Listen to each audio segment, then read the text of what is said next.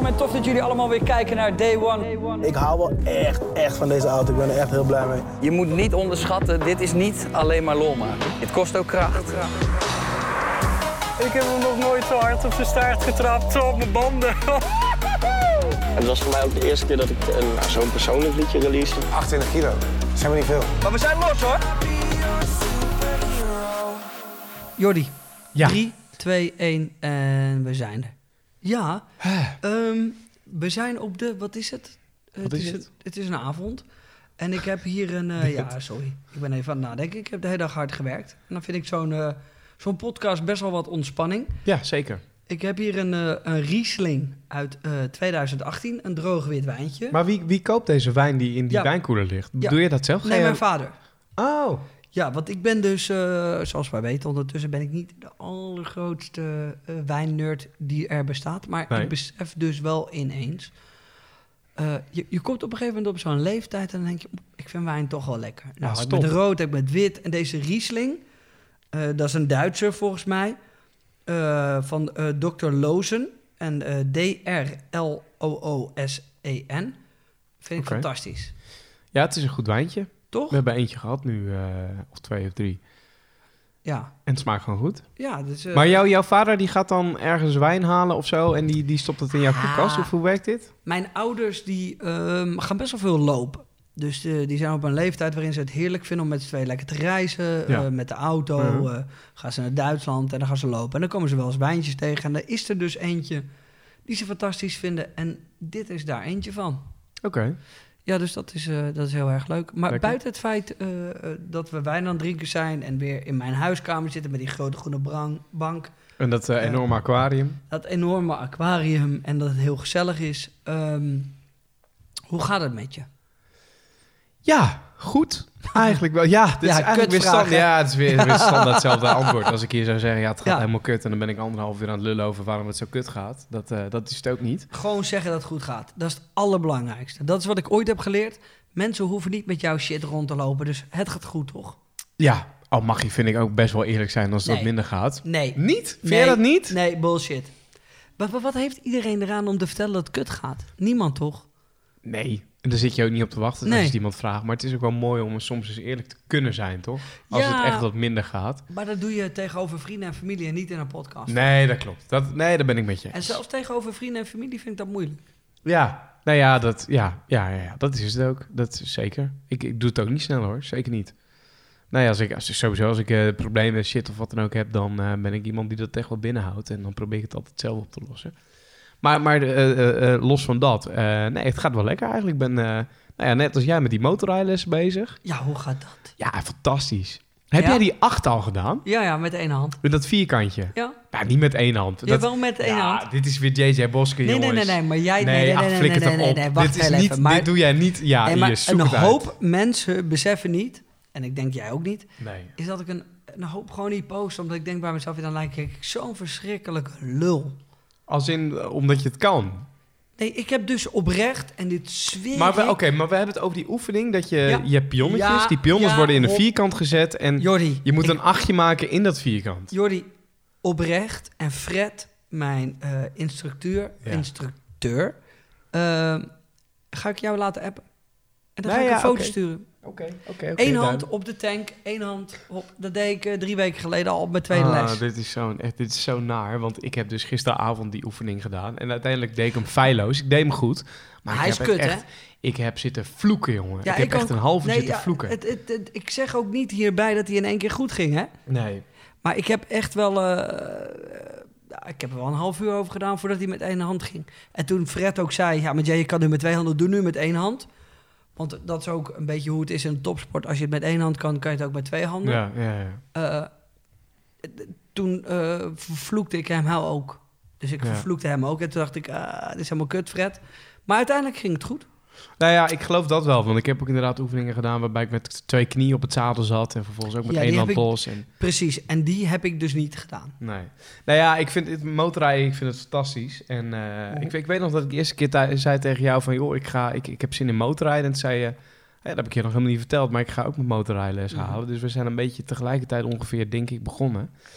En ik vind het heerlijk. Het is echt goed, hè? Oké, Het is echt het meest fantastische wat er is. maar even een gewetensvraag. Zou je het elke dag doen? Eh, als in werk of woon-werkverkeer? Nee, gewoon alles. Alles op de motor. Nee. Nee, hè? Nee, dat En niet. waarom niet dan?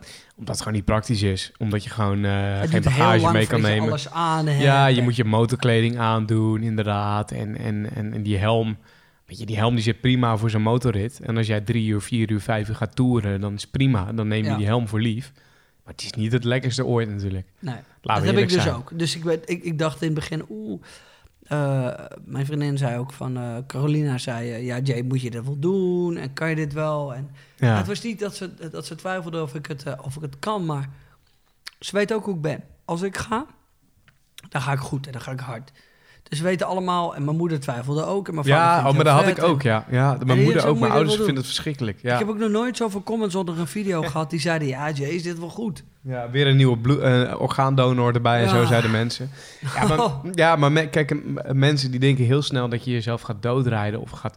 Maar wat je ook met motorrijden heel goed leert, merk ik nu, is dat je veel meer beseft hoe kwetsbaar je bent. Ja. Je bent je veel meer eh, bewust van het verkeer om je heen. Omdat je gewoon doorhebt, als ik hier een ongeluk krijg, dan ben ik de lul. En nu met die beugels aan mijn, heet dat, lesmotor... Ja, Weet je, kan ik nog een stootje hebben? Kan ik op de grond vallen? Is er niet zo heel veel aan de hand. nee. Tenzij je dat met 80 km per uur doet. Maar hè, om maar even wat te noemen. En met 120 lig je ergens... eh, Ja, maar het is echt gewoon... Je bent gewoon fucking kwetsbaar. Die rolkooi die je in je auto hebt, dat ben jij zelf. ja. En dat is je kleding.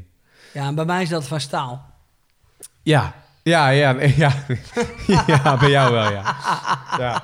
Maar, maar ja, om, maar- om, om dat maar te noemen, zeg maar. Dus je wordt je er heel erg bewust van. Ja. Ook, en dat merk ik ook in de auto. Merk ik wel in mijn... eh, nu ik motorrijlessen heb, merk ik Dat dat je ik in de... voorzichtig bent in de auto. Ja, Ja, heb ik ook. dat heb ik echt. En dat als de motors langskomen, dat je ook een soort Ja, van... eh, Ja. Ik doe nog net niet... Even eh, respect. ik doe nog net niet met twee handen naar beneden, Ja, respect. Ja, ja, ja, Ja. die heb ik En- zeker. Stiekem zou je die motorrijders die je dus nu onderweg tegenkomt in de auto of als voetganger of, als, of nou weet ik veel wat je doet, maar behalve de motor, zou je eigenlijk willen groeten. Zo van, ik Ja. hoor ook bij jullie hoor, jongens. Ja, ja. maar, eh, zie, ik ben ook een motorrijder Ja. hoor, jongens. Ja, ja, ja mooi. Merk je ook dat motorrijders veel meer respect van elkaar hebben Ja, dan eh, autorijders. Ja, 100 procent. Ja. Lijp is dat, hè? Ja, ja, dat is heel... eh, sommige mensen zien motorrijders als, als klootzakken of als, als uh, popiopies. En er zitten er zeker tussen. Maar eigenlijk zijn over het algemeen motorrijders heel erg sympathiek en heel erg letten op elkaar. En heel erg over de veiligheid en Ja. shit. Want ja, dat, is ook, dat heb ik me ook laten vertellen. Ik weet niet of het waar is of niet, maar een motor heeft geen APK-keuring. Nee. En eh, dat heeft als pure reden dat als... Ik zeg nee, maar ik weet het niet, hè? Nou, het schijnt dus, en, en anders correct me if I'm wrong, maar het schijnt dus ook dat een motor onder andere geen APK-keuring heeft, omdat als jij op een motor zit die kut is, dat ga jij niet doen, want dat kost je eigen leven als je dat verkeerd gaat. Dus motorrijders zijn zelf heel erg bewust van dat ze op een goede motor moeten rijden. Dat Het klinkt wel alsof iemand dat verzonnen heeft. Dat klinkt ook inderdaad nu als ik het zo zeg. Goed, voordat dit de langste intro ooit wordt in de podcast. eh, ja, dus het gaat lekker. Het gaat lekker. Gaat het met jou ook goed? Eh, ja, ja, heel goed. De, de car parfum gaat door het dak heen. Wat ik verschrikkelijk leuk vind. Dat is een product dat we eh, natuurlijk met Day One in de markt hebben gezet. Iets wat Ik- ik, weet je wat in ik merkte? auto. Ja. Weet je wat ik merkte? Is dat, ehm, kijk, mensen hadden echt wel kunnen doorhebben dat het een bedrijf is wat jij aan het opzetten bent. Maar jij hebt laatst pas in een video gezegd dat het ook echt jouw bedrijf is en dat Ja. jij je daar hard voor maakt. Mhm. En ik had ook eigenlijk op dat moment het gevoel oké, hij durft eindelijk ervoor uit te komen dat dit een bedrijf is van hem, waar hij hard voor aan het werk is. En dat vond ik wel vet. Weet niet, gewoon. Ik denk dat heel veel Nou. mensen het wel kunnen waarderen dat je, dat je uitspreekt dat het iets is wat jij doet. En Ja. wat, En dat zagen we ook in de verkoop. eh, wat natuurlijk heel fijn is, eh, commercieel gezien. Maar ik, ik doe me niet zomaar ergens aan binnen. Omdat ik vind Nee. dat als, we- als we wat doen, dan moeten we het goed doen. Net als deze podcast. En ik denk dat dit ook iets is waarvan ik denk... hey, dit is zo nieuw. Hier hebben we jaren... En dat beseffen mensen niet. Dus voordat ik zeg dat ik ermee verbonden ben... zit daar jaren aan vast. En zit er een hoop investeringen aan vast. En dat, dat vind ik heel leuk. Dus dat gaat heel goed. Eh Day One gaat sowieso heel goed. En wat ik leuk vind, is dat eh, onze podcast gewoon echt fantastisch goed Ja. beluisterd wordt. ja. Ik wou geluisterd zeggen, maar eh, dat onze podcast fantastisch goed beluisterd wordt. En dat we gewoon, eh, als we een beetje ons best doen, in de top 10 staan. ja. En dat is heel leuk. Zal ik even over dat beluisteren gesproken even Ja. wat reacties erbij pakken? Want dat hebben we de vorige keer ook niet gedaan. En Ja, want heel even voordat iedereen denkt... oh, dit is de allerlangste intro ooit. Wij gaan het zo meteen over cryptocurrency hebben, over investeren online. Je Eh, kan doorscrollen als je zou willen. Ja, Dat je mag, kan doorscrollen, geen enkel probleem. En miljonair, wil je miljonair worden, dan kan je ook doorscrollen. Want ehm, we gaan jou een formule geven waar je sowieso geen miljonair mee kan worden. Top tease dit. maar wel iets waarvan wij denken, hey, als je hier goed naar luistert, dan weet je wat je daarna moet doen. Check. Gaan we, Jordi? Ehm, Just Theory, die zegt alles voor het speciale plekje. Vijf sterren. Leuk om te luisteren, ga zo door. Misschien een keer een keuring van de geproefde wijnen. Oké, kunnen we zo meteen doen. Dr. Lo- de, nou, zullen we dat gelijk doen? Ja. Dr. Loosen, die je net al noemde. Wat, Ja, wat geef jij voor cijfer? Nou, eh, dit is wel een eh, acht voor mij, man. Ja, Een achtje. Ik durf ook wel te zeggen een 8,5. Ik drink niet zo heel vaak witte wijn, meestal rode. maar dit is wel lekker, hè? Zit er Het is precies hele tussenin, ja. Ja, ja, niet te sterk ook of zo. Nee, Nee, het goeie. is een droge, zoete. Ja. Ja. Droge zoete noemen ze dat dan zo? Nee, hij, er staat heel groot draai op. Kijk, Dry. draai. Ja. En voor de mensen thuis een hele smalle fles en een heel groot draai op met ja. gouden letters. Maar het is, hij proeft niet heel droog. Hij, er zit best wat smaak in. Ik ga nu een reactie voorlezen, die heb ik heel vaak gezien. En misschien deed jij daarom ook wel. Mhm. Eh, op deze manier, zeg maar. Ik moet eerlijk toegeven dat ik een beetje bevooroordeeld aan deze podcast begon. Ik had altijd bij JJ op tv dat ik hem niet echt mocht. Mhm. Vond hem een beetje macho en arrogant overkomen. Maar door deze podcast merk ik dat ik er echt finaal naast zit. Wat een toffe kerel, interviewer, een hele goede nummer twee na Vincent Batty. Die wat mij betreft de podcast koning is. Maar hey, JJ, kroonprins zijn is ook tof. Ik denk dat... ehm, die, dit heb ik in, in deze vorm zeg maar vaker voorbij zien komen. Dat Mhm. mensen over jou een bepaald beeld hebben. Mhm. Die ik ook wel snap. Ik ook. Eh, jij zelf ook. En dat weet Ja. ik ook, dat jij dat zelf ook heel goed door hebt. Ja. En, dat, en dat mensen er toch op deze manier achter een andere JJ komen. Dat is heel mooi, denk ik, toch? Ja, en terecht ook, denk ik. Ik denk dat hij helemaal gelijk heeft. Ik denk dat je naar Day One moet kijken omdat hij eh, eh, het pure entertainment vindt en heel leuk. En ik dan, denk dat we hier in, eh, in Day One... een- ik denk dat je, als je naar Day One kijkt op YouTube... dat je eh, gewoon naar entertainment moet zoeken. Ja, zeker. Eh, ja, ik, ja, moet- ja, eh, ik moet er even over nadenken. Ehm, en dat als je hier de podcast luistert, dat je de echte JJ Bosko hoort, die wat verdieping zoekt, vindt en fijn vindt, Ja. samen met jou. Ehm, en dat je me niet aardig vindt. Ik denk ook wel dat het een soort van compliment is, hè? Want, Oh, ik vind ehm, keihard dat hij het zegt. Nee, maar wat, wat, wat meer ook het compliment is, is dat mensen jou als een soort van macho, et cetera, zien. Als ze jouw video's kijken, betekent dat dus wel dat je oprecht overkomt. Dus dat mensen zouden kunnen denken dat je echt zo Ja, bent. maar ik ben ook een macho, hè? en dat heb ik ook altijd gezegd, weet je wel. Dus ik, ik, ik ben ook alfa. En, en hoe mensen dat willen interpreteren, moeten ze zelf weten. Ehm, maar ik vind het heel mooi dat iemand dat zegt en gewoon eerlijk Ja, is. ja. Ehm, ja, daar gaan we. Volgende. Eh, Roy, ik die, word gewoon afgekapt. Nee, nee, nee. Roy, Roy die zegt, echt een super interessante en leuke podcast. PS, ik wil graag de hemel in, dus daarom vijf sterren. Eh Oikio die zegt, goedemiddag heren, top podcast, maar ik mis een beetje interactie met de luisteraar. Is het een idee om de gast vooraf bekend te maken, zodat de luisteraars vragen kunnen insturen? Nou, dat, dat, dat is helemaal dat geen is best slechte. wel een leuke Ja, dat is een goeie, zeker. Kunnen we zeker even gaan invoeren. Toffe podcast, mannen. Luister altijd tijdens het hardlopen, zegt Daan. Poentje zegt, als ik aan het werk ben, meubels bezorgen door heel Nederland. Lekker aan het luisteren naar deze podcast. Ja, en die kan er echt heel lang doorgaan. Ik ja, vind laten het we nog zo, even doorgaan, want we eh, maken het oké. gewoon een lange podcast. Ja, is goed. Als wij aankondigen dat het een lange podcast wordt, dan blijven mensen heus wel luisteren. En nogmaals, als je nu naar wat een slap gelul, kun je gewoon doorscrollen. hè? ja, je kan hem Eh, ook afzetten. Be our guest en, en scroll gewoon door. Ja. Eh, deze podcasts zijn echt fantastisch. Ik kan ze op ieder moment luisteren, vooral tijdens het sporten. Nuttige info opdoen is top. Eh, dat is Bram van de Pluim. Mooi. De gasten hebben alle een inspirerend verhaal en een duidelijke visie voor de toekomst, waar ik altijd iets nuttigs uit kan halen door de sterke vraag. Keep up the good work. Mhm. Dan Georgia for Life. Dit is misschien wel de beste Nederlandse podcast op het moment. Echt super tof ook, aangezien eh, het veel over ondernemen gaat. Ik zou echter graag ook tech-ondernemingen willen zien. Misschien een podcast met een Nederlandse angel-investor of een Nederlandse tech-startup Angel founder. Investor. Ja, ja. Angel, sorry. En niet alleen maar lifestyle merken, vooral omdat deze markt ook echt heel interessant is. En je tactiek in de tech-industrie ook kan gebruiken bij andere merken. Zoals rapid scaling, et cetera. Zo, Ik hoor dingen die ik nog nooit gehoord heb. Maakt niet uit. Maar Jordi, vandaag hebben we Madelon Vos te gast. Ja. We hebben de tweede vrouw ooit in de, de Day One podcast eh, te gast. Over een onderwerp waar je misschien helemaal niet een vrouw bij verwacht.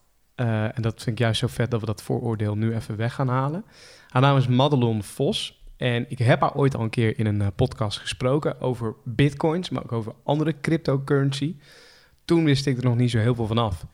Eh, en toen was het ook nog een hype. Dus heel mainstream Nederland hoorde in één keer bij Editie NL dat de bitcoin een ding was en dat mensen daar geld aan verdienden. Zij heeft me toen heel veel daarover uitgelegd. En ik ben er toen ook wel achter gekomen dat Madelon Vos heel erg slim is ingestapt in die bitcoins. En daar toen heel veel geld mee heeft verdiend. Hoeveel eh, ze daarmee verdiend heeft, heeft ze me nooit willen vertellen. Logisch ook. Maar misschien dat we daar vandaag achter gaan komen. Nou, laten we dan de vraag anders stellen. Hallo Madelon, wat gezellig dat je er bent. Hoi, Dat dankjewel voor de uitnodiging. Onwijs leuk om hier te mogen zijn. Ja, wat vinden wij ook. Ehm, ik kwam je tegen op Instagram. Toen dacht ik, wauw, dit is fascinerend. Ik wil eigenlijk al heel lang met Day One een soort van de cryptocurrency instappen. Want ik vind het iets wat... Ik, ik ben een, en dat klinkt heel raar, maar ik ben echt een gelover. Ik, eh, ik geloof gewoon dat op een gegeven moment valt al het geld weg... en is dit de manier waarop wij gaan betalen. Ik weet niet hoe lang het nog gaat duren. Ik weet niet wat, waar en hoe, maar ik wilde meer over weten. Toen kwam ik jou tegen en toen dacht ik, wauw, ik wil hier gewoon, ehm, ja, gewoon zelf, maar ook dat de mensen die luisteren hier direct meer over te weten komen. Ehm, maar dan is wel meteen mijn, mijn allereerste vraag, ehm, eh, ja, wanneer ben jij bij Bitcoin ingestapt? Ja, dat is een hele goede vraag. Want toen we de podcast met, met Jordi opnamen, ik denk dat het al twee jaar geleden is. Ja, misschien al wel drie jaar Ja. geleden. En eh, toen zat ik al behoorlijk lang in Bitcoin. Ik ben eh, in 2012, 2013 voor het eerst met Bitcoin in aanraking gekomen. En dat was het moment waarop ik me heel erg had verdiept in de economie. Wat jij net ook al zei, eh, JJ, het, het, het eurosysteem, dat, eh, dat heeft geen lang leven. En eh, vanuit dat perspectief dacht ik, hé, hey, misschien is Bitcoin wel heel erg interessant. En misschien is dit wel een munt die we in de toekomst zouden kunnen, kunnen gaan gebruiken. En toen heb ik maar gewoon wat gekocht. En eh, toen kwam ik erachter dat die koers ook bewoog en heel erg volatiel was. En ben ik een soort van down the rabbit hole gegaan, zoals dat, ze dat dan noemen. En dan ga je kijken naar hoe werkt Bitcoin eigenlijk en wat maakt Bitcoin zo bijzonder ten opzichte van de euro. En waarom voldoet de euro dan niet? En nou ja, je gaat een heel pad af. En dan kom je eigenlijk tot de conclusie dat Bitcoin heel veel potentie heeft. En dat het eh, heel veel andere mooie eigenschappen heeft die je in het begin, in de eerste instantie misschien helemaal niet, eh, niet ziet. Ik heb nu al 80 vragen, Jordi.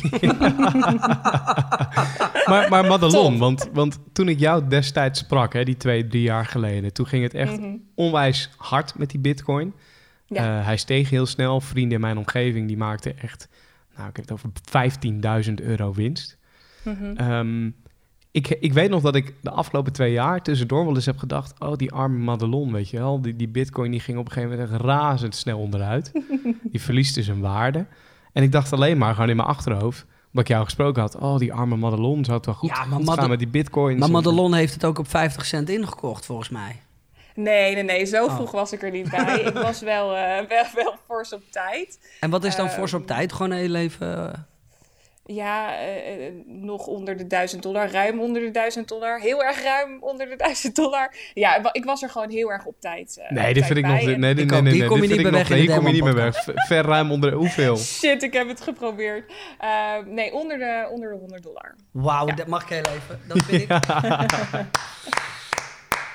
Maar ja, jullie klappen, maar eigenlijk is het helemaal geen applausje waard. Het was gewoon van mij een, een, een random iets wat ik tegenkwam waarvan ik dacht... hé hey, jongens, dit is interessant, ik wil hier eh, wat van hebben. En net zoals dat ik in, eh, in, in andere dingen gestapt ben waarvan ik achteraf dacht... ja, dit was eigenlijk helemaal niet zo slim, eh, crowdfunding of iets dergelijks. En toevallig is er één geweest die het goed deed.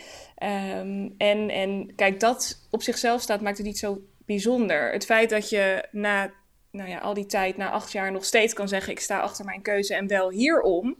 Dat maakt het misschien eh, veel meer bijzonder. En Bitcoin betekent voor mij niet alleen eh, het feit dat ik er geld mee heb verdiend, want dat zou dan het succes moeten zijn. Nee, het is veel meer. Ik heb onwijs veel daarover mogen leren en onwijs veel over het geldsysteem, over valuta mogen leren. En daar mag ik nu ook over doseren. En dat is denk ik het allermooiste mooiste wat er is. Ja, maar als we dan... eh, eh, we hebben het nu over ondernemen, want dit is een, een, dit is een groot gedeelte daarvan. Eh, zeker. En dat ben jij ook. Maar voor iedereen die dan luistert, waar ben jij nog meer... Even voordat we die hele cryptocurrency ingingen. Ja. Waar ben je toen ingestapt waarvan je dacht... Oh shit, dit had ik beter niet kunnen doen. Ik hoorde net al een voorbeeld, maar heb je nog meer van dat soort voorbeelden? Want dat vind ik wel altijd belangrijk. Ik, mensen zien nu dat ik eh, succesvol ben in wat ik doe. Ze weten niet wat ik verdien, maar Ze, weet, ze denken wel dat ik succesvol ben. Ehm, maar daarvoor zijn er al, al legio voorbeelden Tuurlijk. geweest die echt mislukt zijn. Heb, ja, je, nee, heb jij ook die voorbeelden? Ja, dat gaat met vallen en opstaan. Eh, misschien even leuk om wat meer achtergrond te vertellen.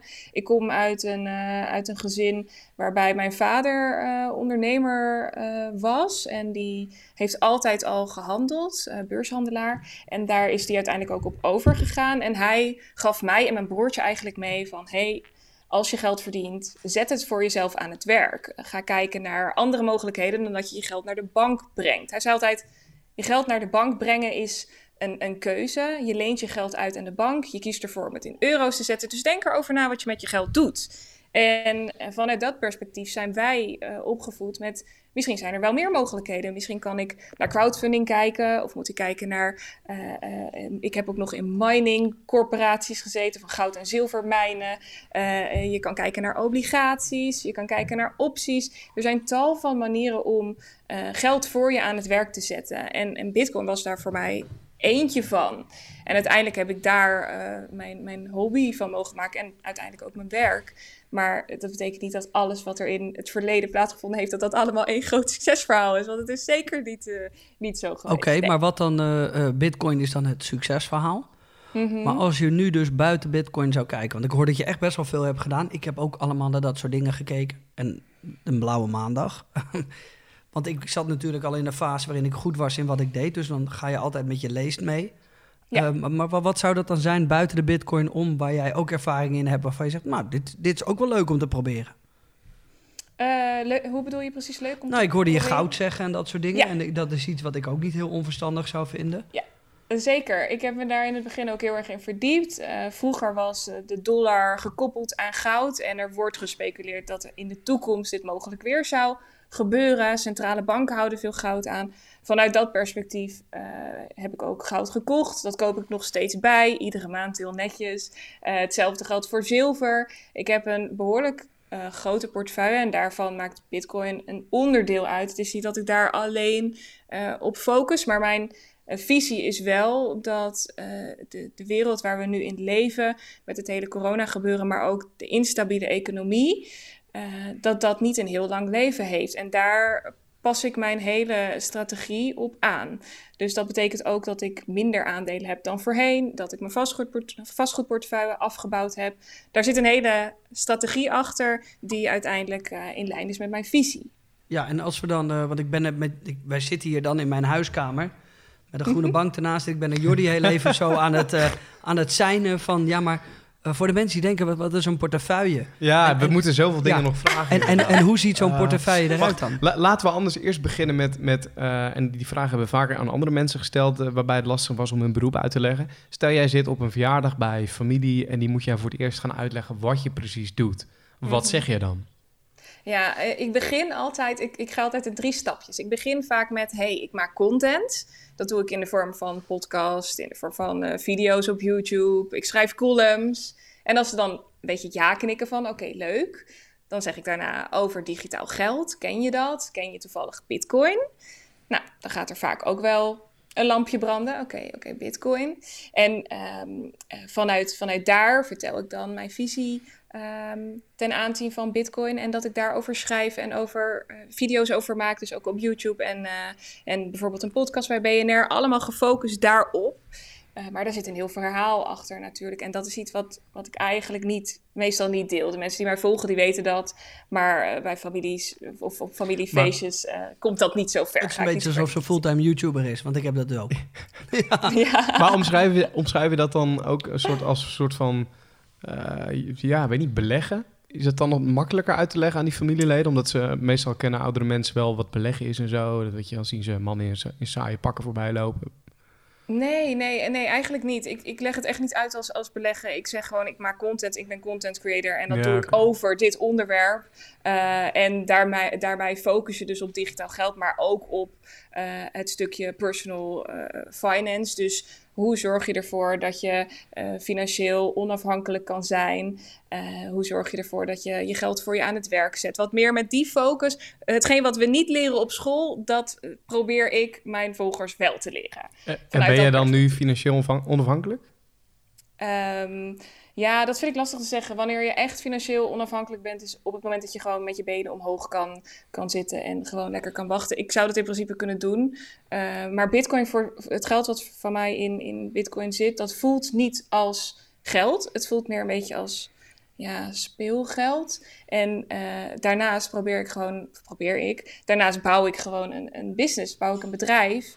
Uh, en het zou fijn zijn als dat uiteindelijk relatief passief zou kunnen. Dus dat dat op zichzelf staand draait. Oké, okay, maar hoe, en, hoe, zie jij, hoe, zie je, hoe zie jij geld dan? Want ik, ik heb dus wat jij hebt, dat heb ik ook. Ik zie een cijfertje op mijn bank. Mm -hmm. en, en dat is het voor mij. En daar kan ik met alles mee spelen. En dat is ook wel eens gevaarlijk. Heb jij dan, de, ja. dat, heb je dan het ondergedeeld in het bitcoin geld is iets waar ik een beetje mee kan klootviolen met alle respect. En de rest bewaar Ja. ik? Of hoe, hoe moet ik dat zien? En ja, mijn portefeuille, zeg maar, mijn geld op, op mijn spaarrekening, dat is puur als buffer en puur om te gebruiken voor investeringen in mijn bedrijf eh, of om van te eten. Ehm, en mijn portefeuille zie ik puur als speelgeld. Als dat wegvalt, dan is het ook geen ramp. Dan is dat niet erg. Kijk, het zou, het zou heel erg naar zijn als Bitcoin straks naar nul gaat. Maar ik moet rekening houden met het feit dat dat kan. Ik heb het niet uitgecashed, dus het is er eigenlijk niet op dit moment. Um, en vanuit dat perspectief, kijk, weet je, in, in, de basis is geld een middel. Het is nooit een doel. Ja, ja. Maar als ondernemer en als, als handelaar, als trader, ik, ik handel nog steeds met, met cryptovaluta, uh, met Bitcoin als basis. Daarmee uh, laat je zien dat als je geld verdiend hebt, dat je iets goed doet. Uh, het feit dat je veel omzet maakt, dat je personeel kan aannemen, dat je naar een groter pand kan, dat betekent dat je het als ondernemer, ja, dat, dat, je, dat je iets goed doet. En dat is heel prettig en dat druk je dan uit in geld. Maar uiteindelijk is het niet het einddoel. Het is het middel om verder te kunnen groeien of om uh, een bepaalde vrijheid voor jezelf te kunnen creëren. En als je dan kijkt zeg maar, naar die portefeuille en dan je spaarrekening bijvoorbeeld. Um, mm -hmm. Je hebt op die portefeuille heb je dus nou ja, bitcoins, andere cryptocurrency um, staan. Maar goud, gaat, goud uh, zilver hoorde ik je net zeggen, vastgoed. Um, op, op welk moment pak je dan zeg maar een deel uit die portefeuille en nou, cash je dat en zet je naar die spaarrekening om? Ik denk pas met mijn pensioen. Eh, voorlopig nog niet. Ik vind het veel te leuk om nu, uh, om nu te, te ondernemen en om bezig te zijn met het opbouwen van mijn portefeuille. Uh, en als ik het echt nodig zou hebben, dan zou ik het ervan afhalen. Maar het, het blijft daar voorlopig en, gewoon lekker maar, staan. Maar je moet toch ook wat verdienen? Zeg maar, ja, maar dit te, is mooi, Jordi. Dit te, is mooi. Om te leven, toch? Tenminste, ja, maar dit, je moet dit, jezelf toch een soort van loon geven. Klopt, ook. maar dit herken ik uit duizenden. Uh, dat is heel raar, maar dat, ja, tuurlijk heb je dat geld nodig. Uh, maar het is ook zo leuk om ermee te spelen en te kijken wat ermee mogelijk is. Ja. Um, en op een gegeven moment, en dat klinkt heel raar, op een gegeven moment kom je in een financieel gedeelte waarin je uh, genoeg hebt om ervan te kunnen leven. Uh, dat, dat, het ligt eraan wat jij vindt. Als dat 2000 euro per maand is, of 3, 4, 5, whatever, 10. Mm -hmm. Um, als je dat maar hebt elke maand, dan ben je altijd prima. En ja. met alles daarbuiten kan je doen waar je uh, zelf zin in hebt. Um, en ja. ik denk dat uh, Madelon dat op die manier doet. En ik denk dat, nou ja, ik weet dat ik dat op die manier ook doe. Um, en ik denk dat dat heel belangrijk is. Dat je dat heel goed weet te onderscheiden. Dus oké, okay, of je nou uh, 500 euro per maand hebt om van te leven, en daar heb je genoeg aan. En je doet 2000 investeren in whatever. Het kan ook andersom zijn. En ik denk dat dat iets is wat jij ook doet, toch? Op die manier. Ja, kijk, of ik nou een maand draai met, met 50 of 30.000 euro, dat maakt, maakt in principe niet uit. Um, in, in de basis gaat het om, ik leef prima met 2000 euro. Uh, en uh, alles wat daar bovenop komt is leuk, maar dat gaat allemaal richting de portefeuille. En dat is allemaal om er later van te kunnen genieten. Um, ik, leef altijd onder mijn stand, ook al is dat niet altijd even slim. Ik probeer het wel zoveel mogelijk te doen. En natuurlijk, uh, uit eten gaan vind ik heel erg fijn. Dat doe ik ook zeker. Um, maar ik hou mezelf altijd voor dat als ik nu wat zuiniger aandoe, dat ik er in de toekomst extra van kan genieten. En als ik het geld voor me aan het werk zet, dan krijg je dat in, uh, in overtreffende trap. Dus exponentieel zal het, zal het groeien. En uh, uh, kijk, dat is, het, dat is natuurlijk het allermooiste. Dat je nu 50 euro spaart, maar dat dat over 10 jaar uh, bijvoorbeeld 300 of 400 euro is. Ehm, en vanuit dat perspectief werk ik. En eh, kijkend naar, eh, misschien moeten we eventjes, even teruggaan naar de basis, wat je bijvoorbeeld, eh, eh, als je geld verdient en je zet het op je spaarrekening. Ik heb dus vrij weinig geld op mijn spaarrekening staan. En dat heb ik met een reden. Eh, en ik vraag me af of, of, of, jullie, of jullie dit zouden zien. Maar ik wil eigenlijk even een vraag terugstellen. Hebben jullie een idee wat er gebeurt met 100 euro of 100, eh, 100.000 euro op je spaarrekening binnen pak een beetje 20 jaar tijd? Daar, dat dat is, eh, heb ik het net nog over gehad. Ehm, dat wordt eh, binnen 20 jaar tijd. Komt daar op het moment eh, weinig tot niets bij. Volgens mij eh, 0,0 nog iets. Ja. Mhm. Eh, en tegen de tijd eh, dat wij die 20 jaar voorbij zijn, zal dat misschien wel nog minder worden op je spaarrekening. Mhm. Eh, in die tijd zitten we nu, denk ik. Ehm, en ja, daarom heb ik dus ook eh, een bepaald iets op mijn spaarrekening staan. Maar daar gaat niet veel meer worden en de rest investeer ik. Dus Ja. dat is mijn gevoel. Eh, eh, en even kijken naar de basis, want jij zegt, je hebt het dan waarschijnlijk over mogelijk negatieve rente in, in de toekomst. Ja. Dus dat we geld moeten betalen om dat te stallen. Ja. Los daarvan gebeurt er nog iets met het geld. En dat is iets wat op, ons op school niet wordt geleerd. En dat vind ik. is dat zij jouw geld kwalijk. uitgeven? Sorry, wat zei je? Is dat zij jouw geld uitgeven? Eh, ja, dat, dat doen zij. dat- Dat is wat een bank in de basis doet. Mhm. Maar los daarvan eh, vindt er inflatie plaats. En dat betekent Ja. dus dat je koopkracht minder wordt. Ja. Dus eh, het, het prijsspel stijgt. Dus stel ik zou nu een, een volle boodschappenkar kunnen kopen eh, eh, aan voedsel bij de Albert Heijn. Dan kan dat over drie jaar nog maar een, eh, een derde van die, van die boodschappenkar zijn. Wat ik altijd als voorbeeld noem is, stel dat ik nu een kindje zou krijgen en ik open een spaarrekening voor dat kindje. En ik zeg als je 18 bent, mag je eh, bij deze spaarrekening, ik zet er nu 100.000 euro op. En over 18 jaar mag je er dus bij. Dat geld wordt in, in, in nou, pak een beetje 20 jaar tijd. eh, in koopkracht halveert dat geld. Dus waar je eerst een hele mooie Porsche Panamera kan kopen, is dat daarna een, eh, een, een mooie Volkswagen. Eh, en, en je geld neemt dus af in koopkracht. En dat is wat een heleboel mensen niet doorhebben op het moment dat je geld op je spaarrekening neerzet. En dat vind ik het kwalijke aan dit systeem, dat wordt je niet uitgelegd. Maar, ehm, oké, advocaat van de duivel hier. Ehm, Mhm. Ik vind het juist heel fijn om dat spaargeld op die bankrekening te hebben staan. Hè, ondanks dat jij zegt, het wordt inderdaad over vijf jaar minder waard. En je hebt inderdaad te maken met inflatie. Maar stel, ik zou morgen ervoor kiezen om, weet ik veel, 3000 euro eh, om te zetten in bitcoins. Eh, dan heb ik ook te maken toch met inflatie. Want die bitcoins die veranderen nu toch ook bijna met de dag, bijna met een maand, zeg maar, hoeveel het waard is. En, Met, met, de, met de, bijna met, het, eh, met de minuut. ja, precies. Ja, dus daar je ik, te maken met, met koersschommeling, niet met, met inflatie. Dus eh, inflatie heeft te maken met het feit dat de, een centrale bank, een private instelling, een machine heeft en daarmee geld kan maken. Dat geld wordt gedistribueerd onder commerciële banken, dus bijvoorbeeld onder de eh, Rabobank, onder de ING. En die geeft dat weer uit in de vorm van een lening. En op het moment dat dat geld gemaakt wordt, dat komt uit het niets. Op het moment dat het geld gemaakt wordt, wordt Ja. ons geld automatisch minder waard. En wat jij nu schetst, Jordi, dat klopt inderdaad. Het is heel fijn als je ergens je geld kan stallen bij, bij een bank. Maar wat ik dan prettig zou vinden, is dat dat kan eh, zonder dat mijn geld automatisch minder waard wordt. Wat Ja. je dus niet realiseert, is dat je eigenlijk al 2% rendement moet behalen per jaar om er niet op achteruit te gaan. En dat is nog los van de negatieve rente die jij net benoemde, eh, Jay. En Ja. nog, nog los van het feit dat je ook nog vermogensbelasting En nog los van het feit dat we nu precies bij het moment zijn aangekomen waarvan ik denk, wauw, dat is waarom we jou hebben uitgenodigd en waarom ik dit zo interessant vind, buiten het feit dat ik natuurlijk al een, een paar jaar denk van, hé, hey, dit, dit is heel interessant, Mhm. is dat we nu in een fase zitten waarin er verschrikkelijk veel geld wordt bijgedrukt. Eh, en zoals Madelon net ook zegt, dat komt uit het niets. Dat, dat geld bestond niet. Dat is er nu Nee. ineens wel. Ja, en als klopt. er ineens is, dat betekent dat ja, iedereen meer geld heeft, dus we met z'n allen meer kunnen uitgeven. Maar dat betekent ook dat geld minder waard wordt. Precies. Ehm, dus komt er ergens een keer een deflatie. En hoe meer geld wij blijven drukken om alles maar vol te stoppen. eh, want ja, nu met corona daar en die moet geholpen worden en die Ja, en ja. dit en dat. En, en dat vind ik nu dus het allergevaarlijkste.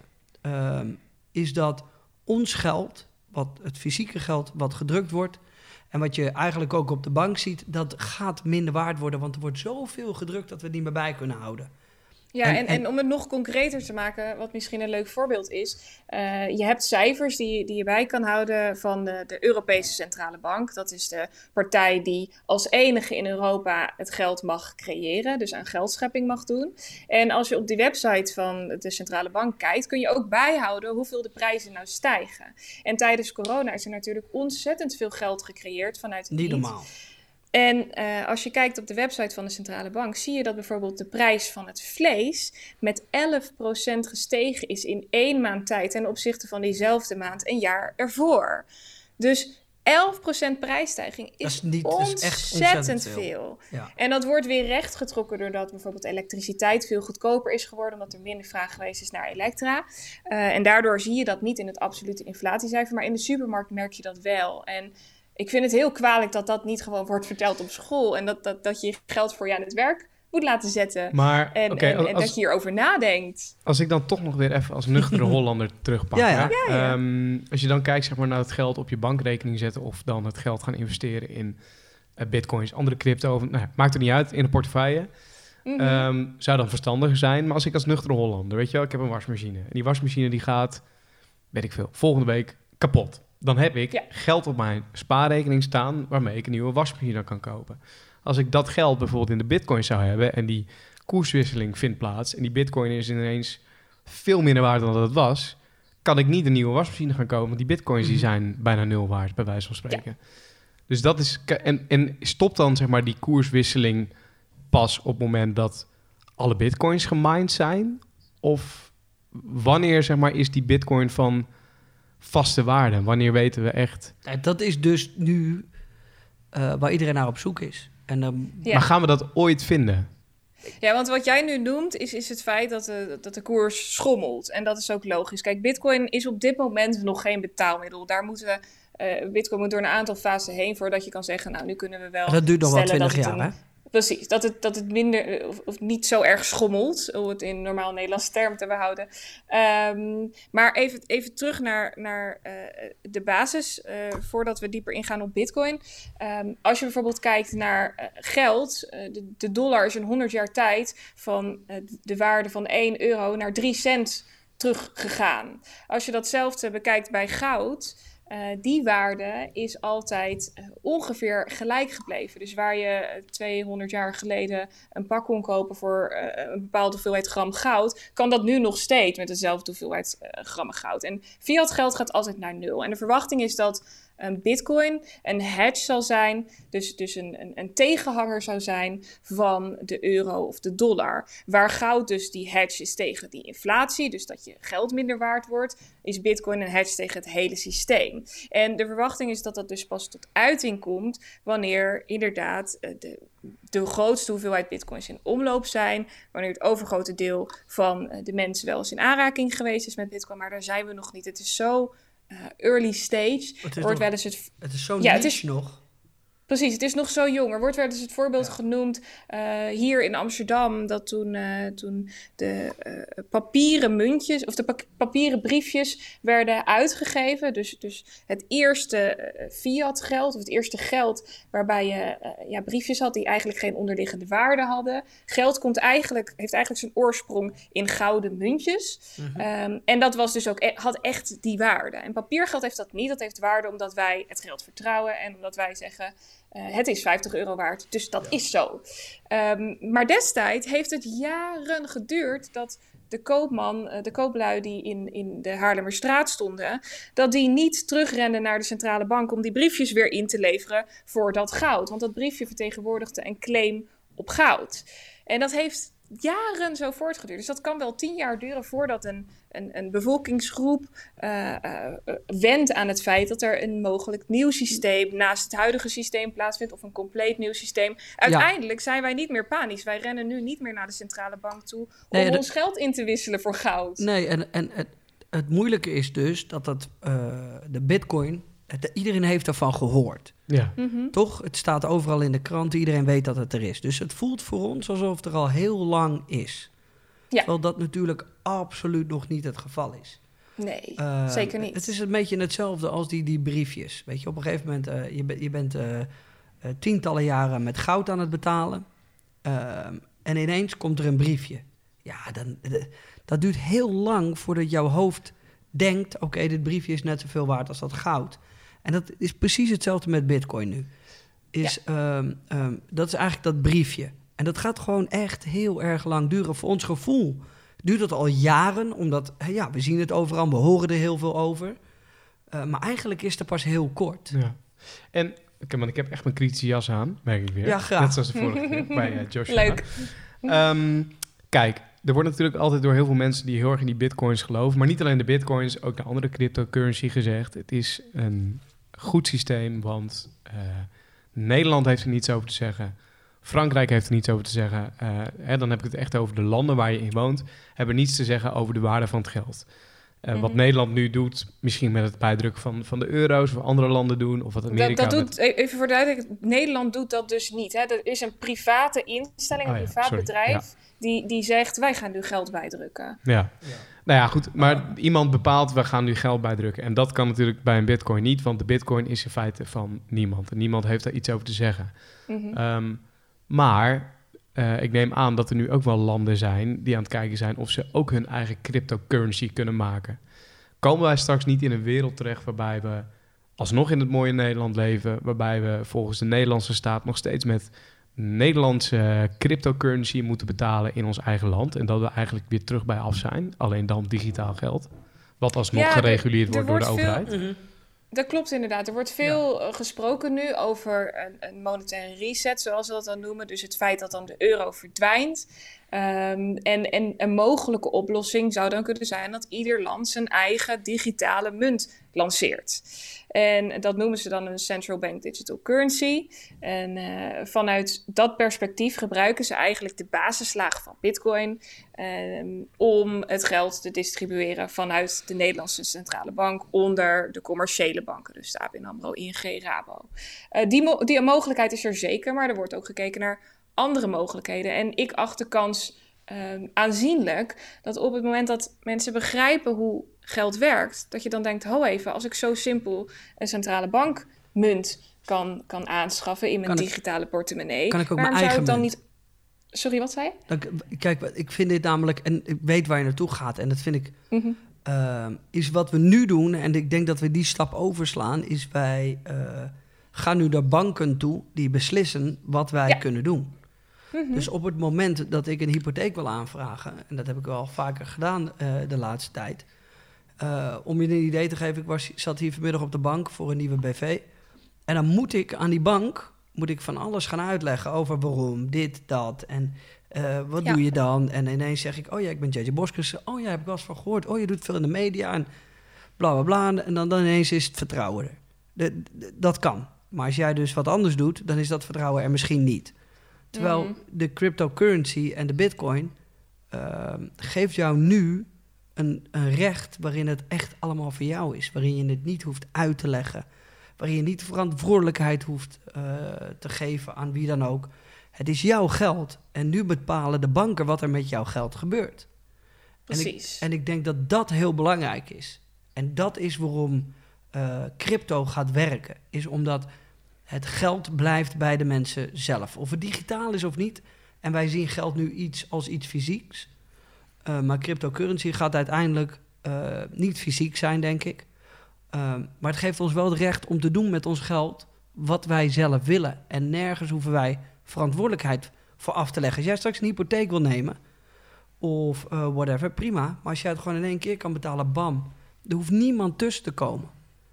Eh, Ja, en, en er komt nog een, nog een extra laag bij kijken. Kijk, Bitcoin is natuurlijk niet voor niks eh, gecreëerd, in het leven geroepen. Ehm, de, de bedenker van Bitcoin die is overigens nooit bekend eh, geworden. Nee, maar degene die het whitepaper. eh, Ja, ja dat, dat houdt het gewoon een beetje. ja, ik vind het altijd heel leuk om te vertellen dat Satoshi Nakamoto een, een fictief persoon is. We weten allemaal niet wie het is. Maar hij schreef het whitepaper over Bitcoin een half jaar voordat Bitcoin live ging. En dat deed hij natuurlijk met een bepaalde reden. En in het eerste Bitcoin-blok wat gemined eh, werd, zette hij een bepaalde tekst. En dat was de titel van, ehm, van een artikel van de New York Times. En daarin stond Chancellor on the brink of second bailout. En dat, dat sloeg op het feit dat in 2008, 2009, toen Bitcoin eh, live ging, dat in die tijd er een hele heftige crisis aan de hand was.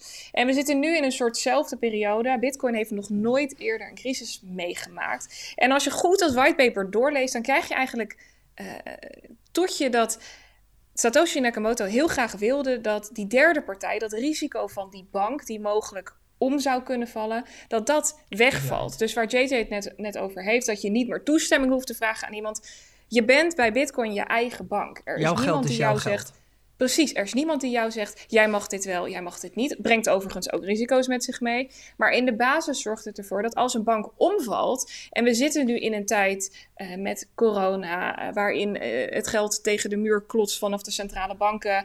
waarin ondernemers onzekere perioden tegemoet gaan. maar ook huishoudens wellicht hun huizen strakjes uit moeten. Er gaat een hele zware tijd aankomen. Dat is het ding wat zeker is.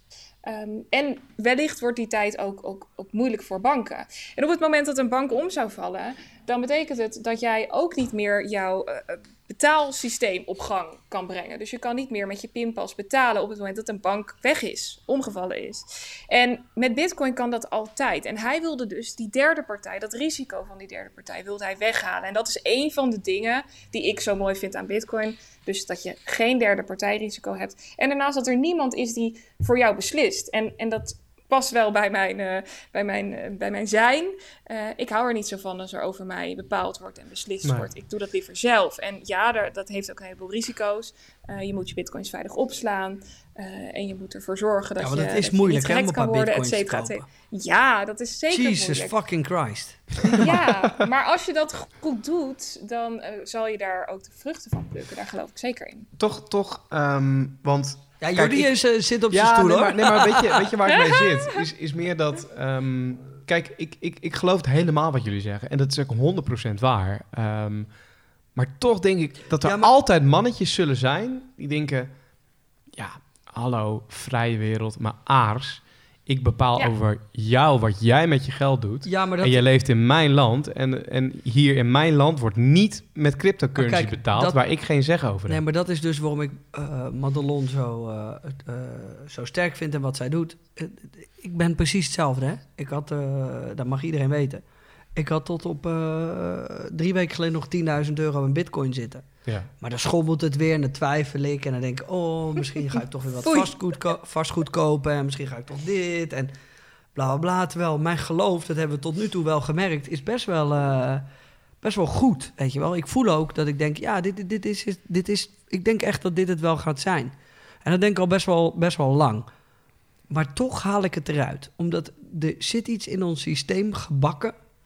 dat ehm, de, de rust om het er niet te laten staan of niet naar te kijken... En, of misschien ligt dat aan mij, hè... ehm, is dat ik het, het, ik zie het elke keer zo fluctueren. Het gaat weer naar links, Ja. naar rechts. En dat maakt mij heel zenuwachtig. Nou ja, dat, dat snap ik. Maar, maar, maar Delon, snap je ook wat ik zeg? Dat als bij wijze van spreken Mark Rutte morgen bepaalt... dat er in ons land nooit met cryptocurrency gaat betaald worden... dan kan ik wel lekker gaan... Maar dat kan niet meer.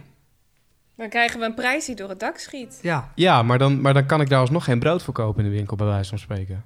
Nee, dat zou kunnen, maar er zijn er altijd manieren om alsnog je geld weer, weer liquide te maken. Dan kun je de zetten. Kijk, 100% kijk bijvoorbeeld naar, naar drugs. Drugs zijn niet Ja. voor niks zo duur. Dat is duur omdat het verboden is. En Zit dat ook in de het, portefeuille? het, het is dat kun je er wel goed mee onmogelijk- kopen. En Het is- AK-47's ook, zeker. Precies. Ja. Het, het is onmogelijk om, om Bitcoin te verbieden, anders hadden ze dat al lang gedaan. En if you can beat them, join them. En er is, het is niet voor niks zo dat nu centrale banken kijken naar central bank digital currencies, omdat ze wel degelijk wat zien in die, in die Ja. cryptomunten. Precies. Hey, ehm, we hebben natuurlijk al nu even... eh, we zijn hier al een, een tijdje eh, in gesprek over crypto. Eh, maar voor de mensen die nu, nu denken... Nou, eh, ik, ik geloof hier toch wel in. Ehm, hoe, hoe, hoe doe je dat dan? En, en waarom zou je het doen? Dat is ook even belangrijk. Hoe, hoe je kijk, bitcoins koopt? Nou ja, dat, dat, dat, dat moeten ze zelf denk ik even uitzoeken. Daar ben ik ook Mhm. heel hard mee op mijn bek gegaan. ik heb nog een, eh, een portefeuille ergens van, eh, volgens mij twee bitcoins die gewoon ergens ligt. Twee bitcoins? Ja, grap, dat is 16.000 Ja, euro, precies, hè? Ja. Ja, ja. En die ben ik kwijtgeraakt. Dus je verdient, weet je, dat is wel even waar je... eh, ja, de- ja, maar dat is wel hoe het werkt. En dat is echt, eh, eh, denk ik, al een paar jaar geleden. En die is nu dit waard. Dus, ehm, en die kan ik niet meer openen. Dus er, er, er is, zit nog genoeg in waarvan je denkt... Oh, fuck, nee. Ja. Maar voor iedereen die nu zo meteen start... en ik heb hier al echt, ik zweer het... ik denk dat ik met Day One hier al... Nou, ik denk al twee jaar mee, mee tegenaan loop... dat ik denk, oké, laten wij gewoon eens 10.000 euro pakken. Laten we eens naar iemand toe gaan... en laten we dat eens gaan investeren in bepaalde bitcoin. Eh, Of bepaalde cryptocurrency, sorry. Laten we dat eens gaan doen. Laten we eens mensen meenemen in die ervaring. Hoe dat gaat, wat zijn we aan het doen, links of rechts. Maar hoe, hoe doe je dat? Hoe begin je, weet je wel? En dat is denk ik heel moeilijk. Het is niet Ja. even dat je het doet, toch? Ja, kijk, weet je wat het is? Eh, eh, wat, jij nu, wat jij nu noemt is, is handelen. Ehm, en misschien even goed om te weten, ik heb toen ik begon met, met Bitcoin eh, een behoorlijke hoeveelheid gekocht. En toen dacht ik ineens, shit, waarom beweegt het zo? Waarom kan die koers ineens van 150 dollar naar 750 eh, dollar gaan en ineens weer terugvallen naar 430 was het toen? En ik raakte toen lichtelijk in paniek van, ik, ik heb hier geen grip op. Dit is niet tastbaar voor mij. En ik ben wel een beetje een control freak dat ik een klein beetje een soort van houvast wil hebben. Eh, wat er met mijn geld gebeurt en ook waarom. En toen ben ik gaan kijken naar eh, grafieken. Ik ben eh, gaan kijken naar koersen en ik heb daar een soort kansberekening op losgelaten. Dat noemen ze technische analyse. En op basis van technische analyse kun je inspelen op die koersbewegingen. Dus je gaat kijken als de koers een patroon maakt. Dus als de koers bijvoorbeeld lagere eh, koerstoppen maakt en eh, hogere bodems zet, dan is dat een bepaalde driehoek die wordt gevormd. En we hebben die driehoek vaker gezien in de geschiedenis. En in de geschiedenis is gebleken dat als die koers dan uit dat driehoekspatroon bre- breekt, dat we daar eh, een, een opwaartse uitspraak zien die minstens een stijging van pak een beetje zoveel procent teweeg brengt. En eh, op basis van die kansberekening ben ik de koersen gaan analyseren, ben ik gaan kijken naar eh, wat voor dingen gebeuren er, wat gebeurt met het volume, kan ik wat zien in het ordeboek. En op basis daarvan ben ik gaan handelen. En dat heb ik anderhalf jaar lang gedaan. Eh, maar dat is heel erg zwaar. Dat betekent dat je fulltime alleen maar aan het Ja. handelen bent. Ehm, wat ze daytrading noemen. En deze markt is 24-7. Niet dus hè? totaal iets anders. Precies, dat is Ik- totaal iets ik- anders dan ik als je heb als jongens gezien in de markt zit. En ik zat er met een andere visie in. Die miljoenen erin hadden zitten Ja, en die gewoon eh, eh, wouden gaan slapen en ook zijn gaan slapen. dan ga je alarmen af en dan moet je Ja. worden. Ja, en dan waren ze net niet op tijd. En dan verloren ze gewoon een ton. Jezus. Een Ja, ton en in met de de cryptomarkt is het ook nog zo dat het Hè? Hoe dan? niet altijd goed reageert. Ehm, dus daar kun je Zo. Ja, daar kun je behoorlijk eh, nat op gaan. Eh, wat ik nu doe is technische analyse gebruiken voor de relatief langere termijn. Dus je kijkt dan bijvoorbeeld naar eh, transacties op weekbasis of op maandbasis. Waarbij je dus niet iedere minuut naar de grafiek hoeft te kijken. Je kijkt gewoon naar een bepaald punt. En op basis daarvan kun je inspelen op de markt. En wat het in deze situatie bijzonder maakt, is dat ik niet handel om heel veel geld te verdienen. Ik handel om meer bitcoins te kunnen krijgen. Dus stel die koers die zakt naar 3000 dollar. En ik kan daarmee toch vijf extra bitcoins eh, verzamelen. Ja. Dan is dat ontzettend prettig. Ondanks dat ik misschien met mijn totale portefeuille er een ton op achteruit gegaan ben. Want ik, ik verwacht, mijn visie is dat in de toekomst eh, Bitcoin een hogere koers zal bereiken. Puur omdat het een hedge is tegen het monetair systeem waar we het net over gehad hebben. Dus voor jou is het dan wel echt Bitcoin. Jazeker, voor mij is het absoluut Bitcoin. Je, je kan kijken naar andere cryptomunten. Ehm, we hebben bijvoorbeeld eh, Ethereum, wat een ontzettend interessante cryptomunt is. Waarom zit je daar niet in dan? Sorry, wat zei je? Zit je, zit je daarin? In Ethereum? Ja. Ja, ik heb ook een klein beetje. Ethereum is geen grote portefeuille, maar dat is een totaal ander concept. Ethereum is bijvoorbeeld een, een ik zie het altijd als een launching platform waar andere tokens op gelanceerd kunnen worden. En eh, zij hebben dus een totaal andere bedoeling met hun munt dan dat Bitcoin is. Bitcoin is al- bedoeld als, als parallel systeem naast de euro, of misschien zelfs wel als vervanger van de euro of de dollar. En Ether, daar worden de, de coins gebruikt om eh, andere coins of andere tokens te kunnen lanceren. Zo heb je eh, ook bijvoorbeeld affiliate platformen die eh, een bepaalde token uitgeven. Er zijn tal van verschillende crypto coins en crypto tokens. Ehm, die allemaal voor andere doelen dienen. En ik vind Bitcoin vanuit mijn perspectief, dus echt monetaire economie, macro-economie, vind ik het meest interessant. Wauw, moet je nagaan dat ik dat dus niet eens wist. En ik ben er best wel nu, best wel, ik zit erin. Ja.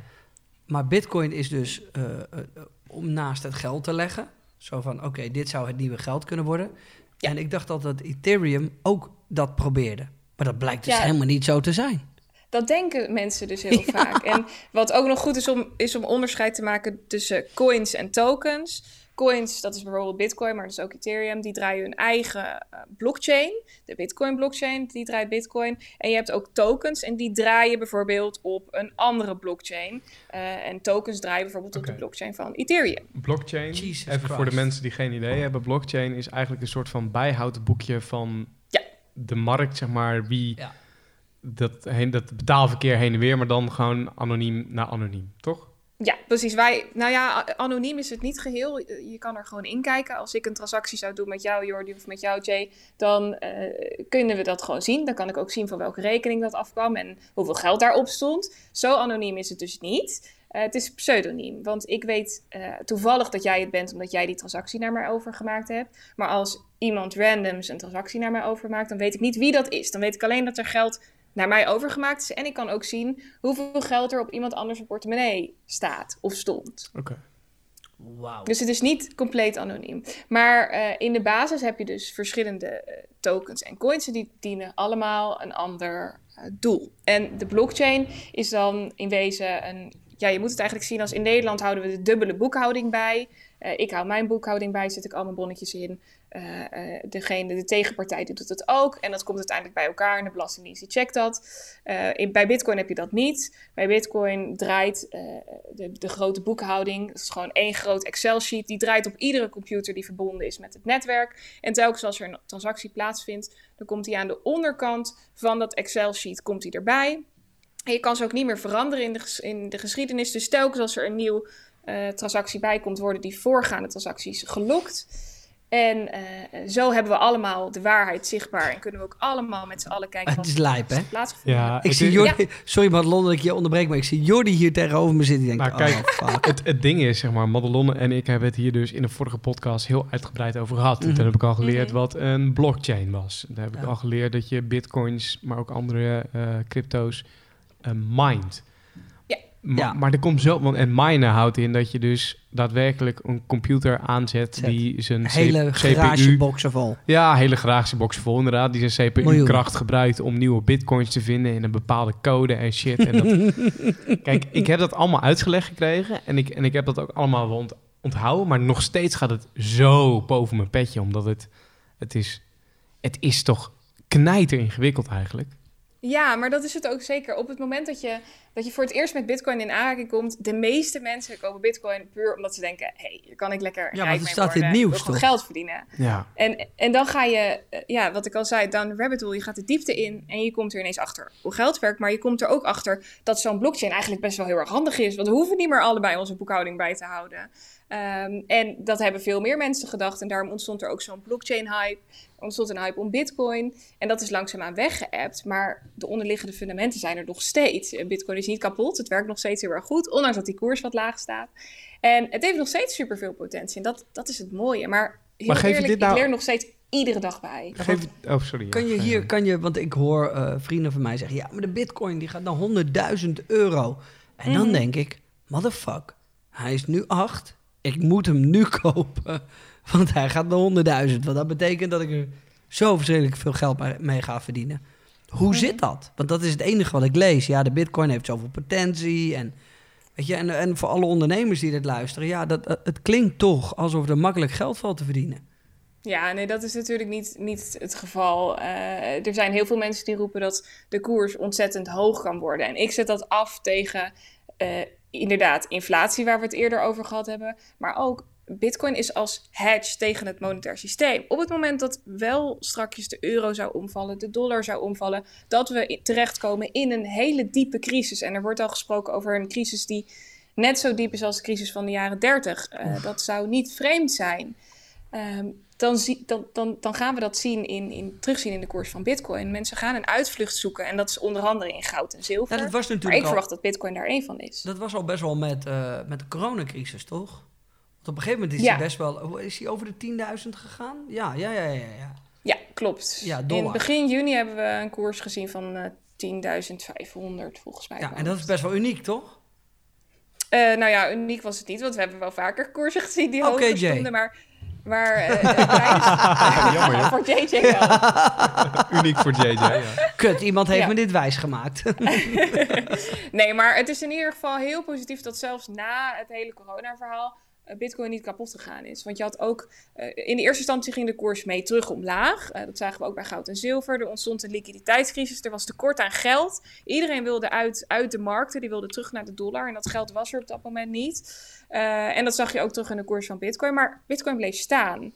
En er, er werd door heel veel partijen gezegd: ja, Bitcoin is niet geslaagd voor de test, want de koers ging mee omlaag. Maar die echte test moet nog komen. Strakjes als echte klappen vallen. Als we echt gaan zien dat de economie het zwaar echte krijgt. klappen vallen, dat, dit hoor ik dus... eh, denk ik, ja, omdat we natuurlijk best wel wat aan het investeren zijn... en we zijn aan het kijken en aan het doen. En ik hoor dit denk ik wel twee keer per dag. Mensen die zeggen, ja, maar Jay... Luister, eh, de huizen en eh, alles wat je daarin gaat doen, oh, daar moet je even mee oppassen. Niet in het buitenland investeren. Ehm, Mhm. niet, doen, niet dit doen, niet dat doen. Eh, Komt die klap? Denk je? Ja, ik, ik verwacht dat wel. Kijk, ik ga je natuurlijk geen advies geven. Dit is overigens ook geen beleggingsadvies. Maar eh, in, in de basis, ik kijk hier al twee jaar naar. Ik kijk al twee jaar naar hoe deze markt langzaamaan scheurtjes begint te vertonen. Ik, ik kijk hier natuurlijk al acht jaar naar de totale markt. Maar sinds twee jaar, de eerste video die ik maakte was eh, in augustus 2008, waarin ik al aangaf, er komt een recessie aan. En dat hele corona-verhaal heeft... eh, Het eh, is zo de- kut ja, dat je dit nu opbrengt. Weet je, Ja, wie, tegen, eh, weet je wie tegen mij heeft gezegd dat er een eh, recessie aankwam? Ik zeg Nou? zo kut. Nou, We waren op Bali. Eh, Mhm. Ik zat met Bissy en met Calvijn zaten wij eh, lekker wat te eten. En toen zei Bissy, zei tegen mij en tegen Calvijn, hij zei, jongens, stop met eten. Ik zeg, wat? Zegt, ik krijg net een appje van een van mijn vrienden en dat is een grote investeerder. En die zegt dat er, eh, een, eh, dat er van alles gaat gebeuren de aankomende maanden. Ehm, en Jay, Calvijn, waar jullie geld in hebben zitten, trek het terug, want er gaat een hoop shit gebeuren. Mhm. En ik, ik weet niet hoe eh Calvijn erin zat, maar ik keek hem aan en ik dacht echt bij mezelf, gast, jij hebt net, jij hebt traag gemaakt. moet ik jou serieus nemen? Of wat? Doe even normaal. Maar Busy, eh, mensen kennen Busy niet als een investeerder. En dat doet hij op een hoop dingen heel erg goed. En heeft hij de juiste mensen voor en dan doet hij het fantastisch. Maar de man had gewoon gelijk. Hij had gewoon gelijk. Dus er zijn mensen die dit kunnen voorspellen. En eh, dat is wat ik het moeilijke vind, is dat... ehm, ja, als eh Busy straks op nationale televisie was geweest... en had gezegd, jongens, luister, er gaat iets gebeuren... had iedereen gezegd, doe even normaal. Maar nu Ja, jij of we dit hadden weer... hetzelfde met de DSB-bank gehad natuurlijk. Dat, eh, Ja, maar, nu, nu, maar elke keer als iemand dat zegt, begin ik dus nu te twijfelen. En denk ik, oh, fuck. Maar zien we niet zeg maar, nu hetzelfde als in wat je 2008 zag... toen we die economische crisis hadden... dat je in nou, 2012, 2013 pas Klopt, maar nu, gevolgen kreeg? klopt, maar nu wij het erover hebben... ehm, denk ik dat het een ding is. Weet je wel, ik heb, je hebt nu meerdere keren gehoord. En we hebben Ja. nu die eerste gedeelte, dat eerste corona-gedeelte hebben gehad. En nu gaan we over naar het tweede gedeelte.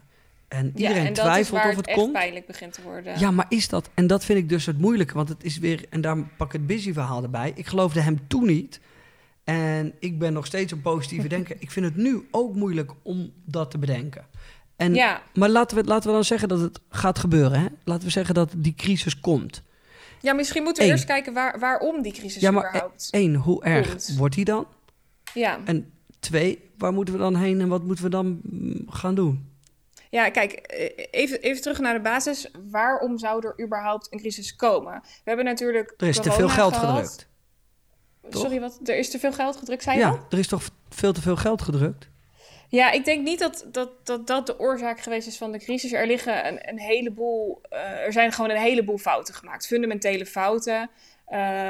Eén daarvan is dat het bijdrukken van geld niet werkt en dat dat mogelijk eh, verkeerd tot uiting gaat komen. Dus dat gaan we zien in hogere prijzen. En we zien dat al bijvoorbeeld in hogere aandelenprijzen. We zien dat in hoge huizenprijzen.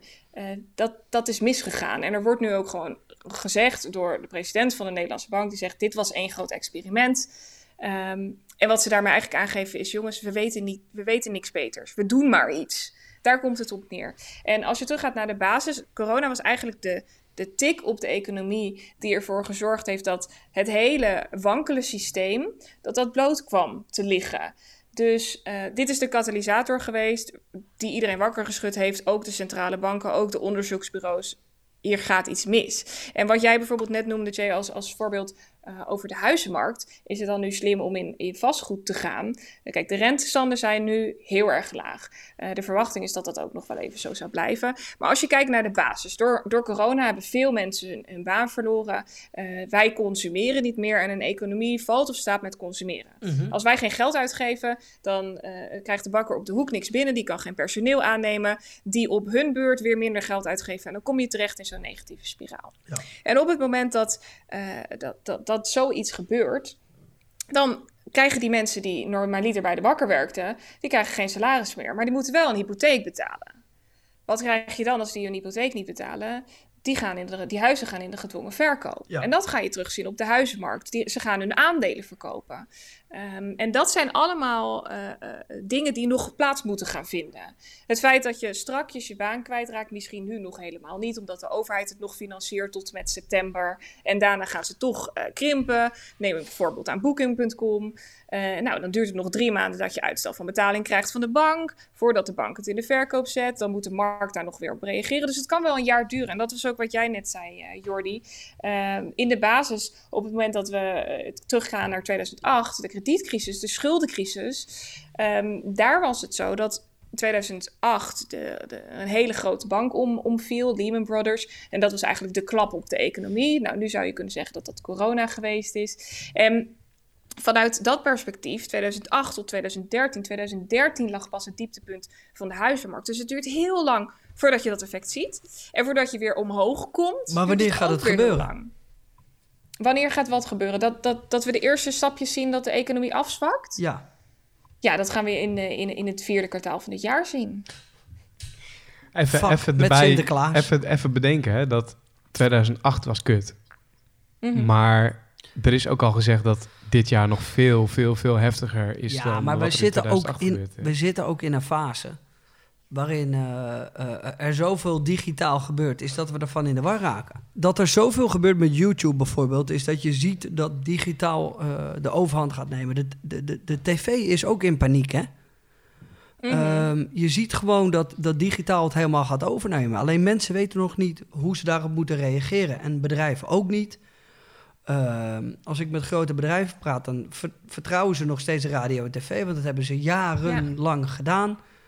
Ehm, maar we weten allemaal dat de digitale revolutie eraan gaat komen. En is, is dat dan ook zo voor geld?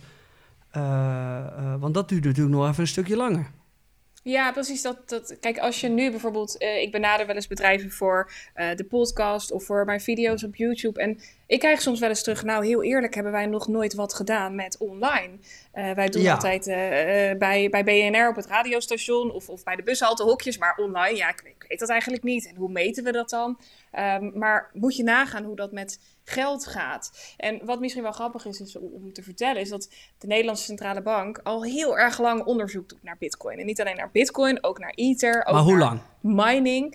Eh, ze hebben gewoon hun eigen eh, Bitcoin-node draaien. Ze hebben dus zelf eh, de hele boel getest. Ze hebben zelf een, een blockchain gebouwd. Ze hebben van alles hiermee gedaan. Dus het lijkt alsof ze hier nu pas mee geconfronteerd worden. Maar ze zijn al, ik denk al wel een jaar of vier hiermee aan het experimenteren. Er zitten genoeg knappe koppen die, hier, die hier meer over weten. Maar Ja. voordat je dat daadwerkelijk kan implementeren, heb je goedkeuring nodig van de Europese En als wij denken- En daar wachten ze nu op. Als wij denken vier, dan is het eigenlijk twaalf.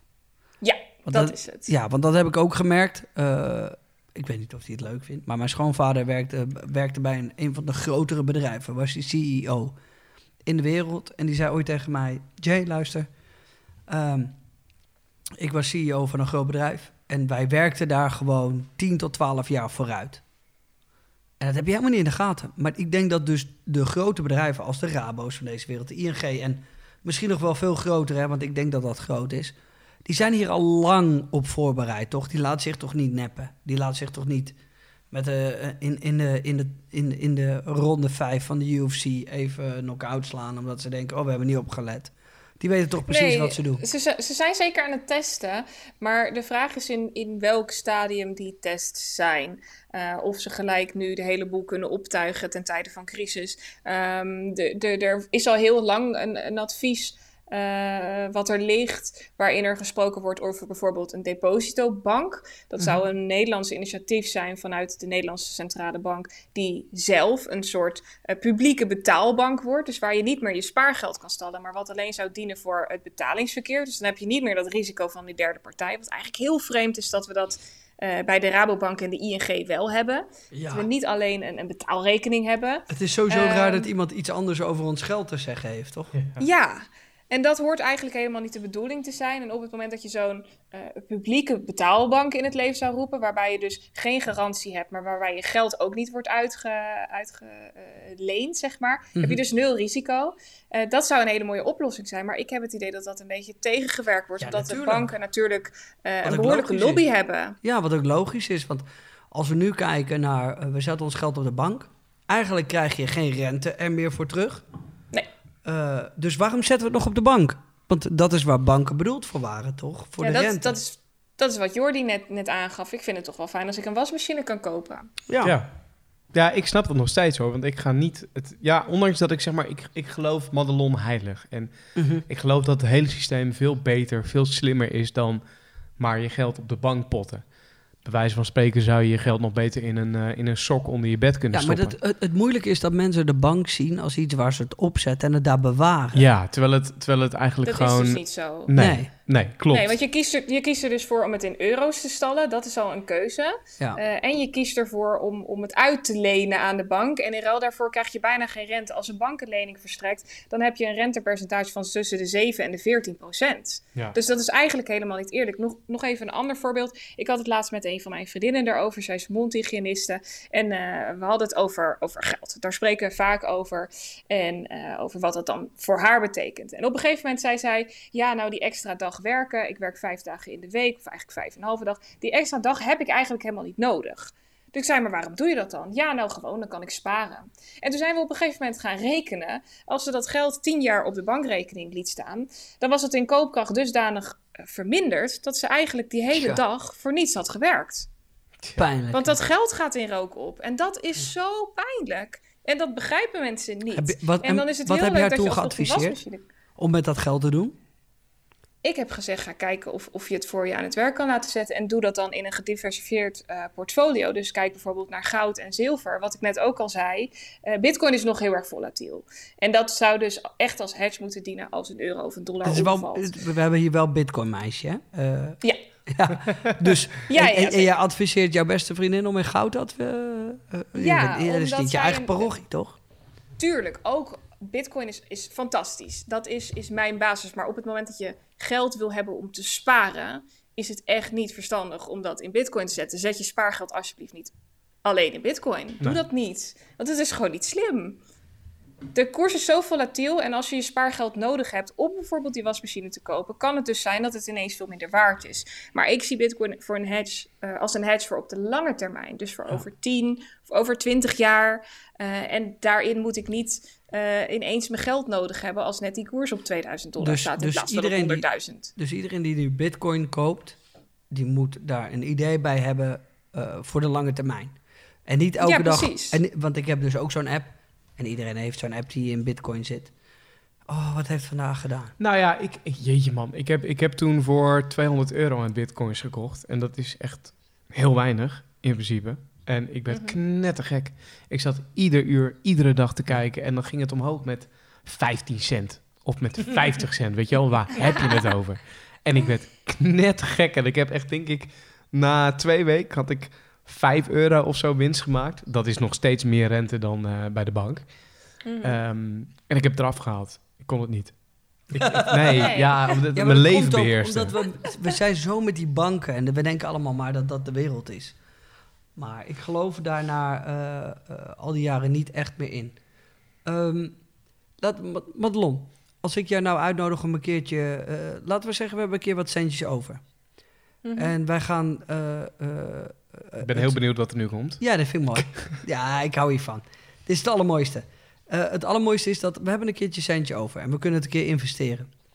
Kunnen wij dan bijvoorbeeld, jij en ik, een serie maken over hoe we dat het beste in eh, cryptocurrency kunnen investeren en, en wat voor manieren? Zouden Als wij dan dat op een, op een gematigde manier doen, dan kan dat zeker. Kijk, het is, dit is echt geen get rich eh, eh, quick verhaal. Maar dat denken mensen wel, hè? Ehm, Mensen denken ja, dat je maar- cryptocurrency... Maar het is Dat toch ook juist mooi om dan te zien zeg maar, dat het dat niet is? Dat is Ja, dan toch maar- ook een soort van Maar wij denken allemaal, en iedereen die ik, de- die ik ken, oh, hij zit in Bitcoin. Ik ben in Dubai geweest en dan werd ik gewoon voorgesteld door vrienden van mij.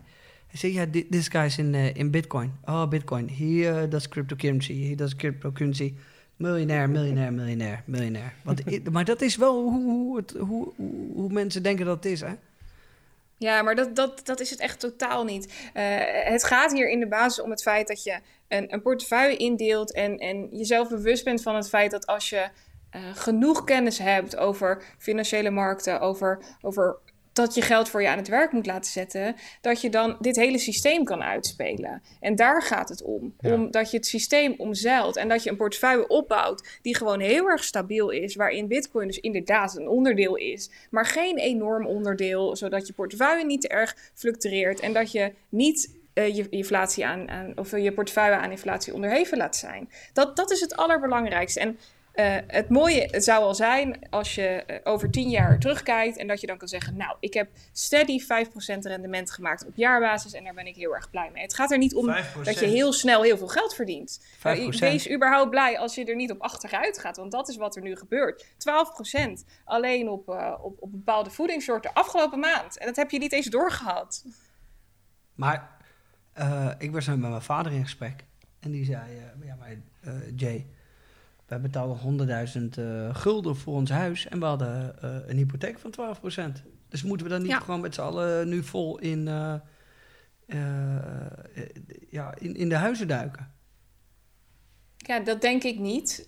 Puur om het, om het verhaal wat ik net verteld heb. Door corona, of eigenlijk door de instabiele economie, hebben heel veel mensen mogelijk in de toekomst geen baan meer. En dat zorgt ervoor dat de huizenmarkt, dat, dat de mogelijkheid voor het terugbetalen van die kredieten, dat dat wat omlaag gaat. Dus dat de huizenmarkt mogelijk daar klappen van gaat onder. Ja, dus eh, mijn, vinden. vraag, dus mijn vraag is eigenlijk, eh, als we nu kunnen kiezen, gaan we voor vastgoed of gaan we voor eh, cryptocurrency? Dan zeg ik compleet cryptocurrency, absoluut. En dan in het bijzonder Bitcoin natuurlijk. Hè, maar, dat, maar ik snap niet dat Ja. jij die vraag stelt, Jay. Want dat zou jij dan toch ook nog moeten bij. Want als, als ik als, Ja, als maar leek, gast. nee, maar als ik als leek hier naar, naar kijk, hè, dan denk Ja. ik: oké, eh, ga ik nu een huis kopen? Nee, van mijn lang zelfs leven niet. Waarom Want, eh, niet? nou, omdat de huizenprijzen nu nog torenhoog zijn. Ja, maar die, en dit is de discussie die we dus, die heb ik overal.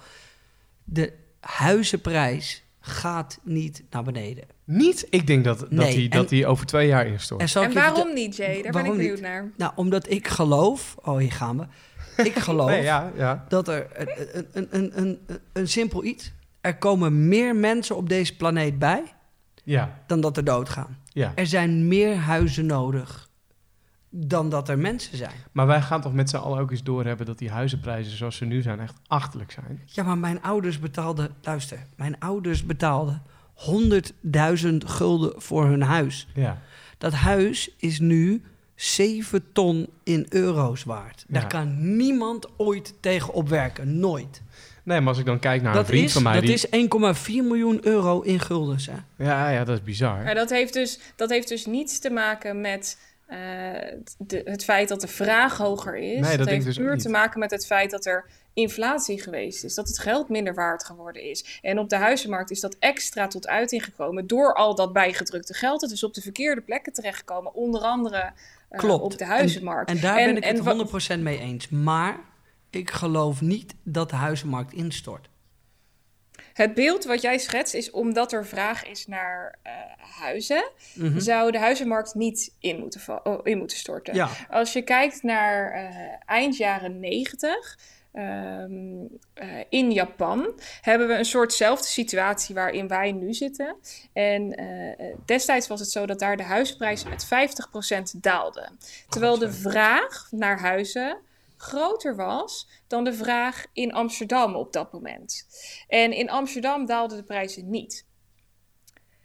Dus een, dalen, of een, een, een, eh, een stijgende vraag naar panden hoeft niet per se te betekenen dat de prijs stijgt. Eh, eh, neem bijvoorbeeld de, de, Maar het is, de toch, het huurmarkt. is toch een gegeven dat als je er maar een paar van iets hebt en een hele hoop mensen het willen, dat je de prijs kan Ja, opdrijven. maar als wij over drie Ja, jaar dat- dat minder hoeft dus geld niet. Als wij over drie jaar minder geld hebben om te besteden... eh, of dat ons geld minder waard is... dan hebben we toch ook veel minder geld om... Maar ik geloof dat die huizen dan gekocht worden in cryptocurrency. En toen was het stil. Ja, Ja, nee, nee ik, ik, ik, ik, zie dat, ik zie dat niet zo. Ik denk echt dat eh, eh, vraag en aanbod in deze situatie niet eh, alleen maar van elkaar eh, afhankelijk is. Ook bijvoorbeeld als je kijkt naar eh, de woningmarkt, dus de huurmarkt. Eh, Daarop zien we dat woningnood zorgt voor nog meer woningnood. Omdat die prijzen al zo hoog zijn, zijn er nog minder mensen die een woning kunnen huren. Dus die gaan maar ergens anders eh, hun heil zoeken. Die prijzen worden nog meer op, op die, die drijven nog meer op. En op een gegeven moment is daar een, een stop. En dan krijg je het coronaverhaal en mensen die dus niet meer de boel kunnen betalen. En er zullen altijd mensen zijn die dat wel kunnen. Ehm, maar in de basis vind ik dat vraag en aanbod, ook als we dus kijken naar Japan, dat vraag en aanbod niet de enige eh, speler is in dit verhaal. We hebben dus de centrale bank, die een hele grote rol speelt. Als zij stoppen met het bijdrukken van geld, hebben we dus een probleem. Als de euro wegvalt, hebben we eh, een groot probleem. Zo zijn er nog een aantal, aantal punten. Als de hypotheekrente bijvoorbeeld oploopt, eh, zorgt dat ervoor dat steeds minder mensen een hypotheek kunnen. We hebben nog belastingtechnisch een heleboel verhalen. Dus ehm, Ja. nee, ik denk, ik denk dat die markt eerst wel klappen gaat krijgen. En waarschijnlijk niet zo diep als in 2008, wat we gezien hebben. Maar zeker wel eh voor zijn tik. Voordat de markt daarop op reageert, ben je wel een aantal eh, maanden, misschien wel jaren verder. ja. Maar wat ik dus nu... Sorry hoor, mijn moeder belde even, dus we hadden, eh, hier stress. Ehm, dus ik wil nu investeren in... la- la- la- laten we het zo zeggen. Ik, ik heb altijd gehoord... ehm, oh, dit wordt zo'n lang gesprek, zit ik me nu even te beseffen. Ja, ik maar het is alleen maar leuk. Super mooi. Heerlijk, hou ervan. Ehm, ik heb altijd, ge- altijd geleerd investeren in huizen. Eh, investeren in stenen. Dat is wat altijd iedereen zei. Nou, dat Ja. doe ik ook en dat vind ik heel erg leuk. Want ik vind het ook fantastisch leuk om te kijken naar appartementen en dit en dat. Alles erop Ja. en eraan. Eh, kort gezegd, jij zegt niet doen.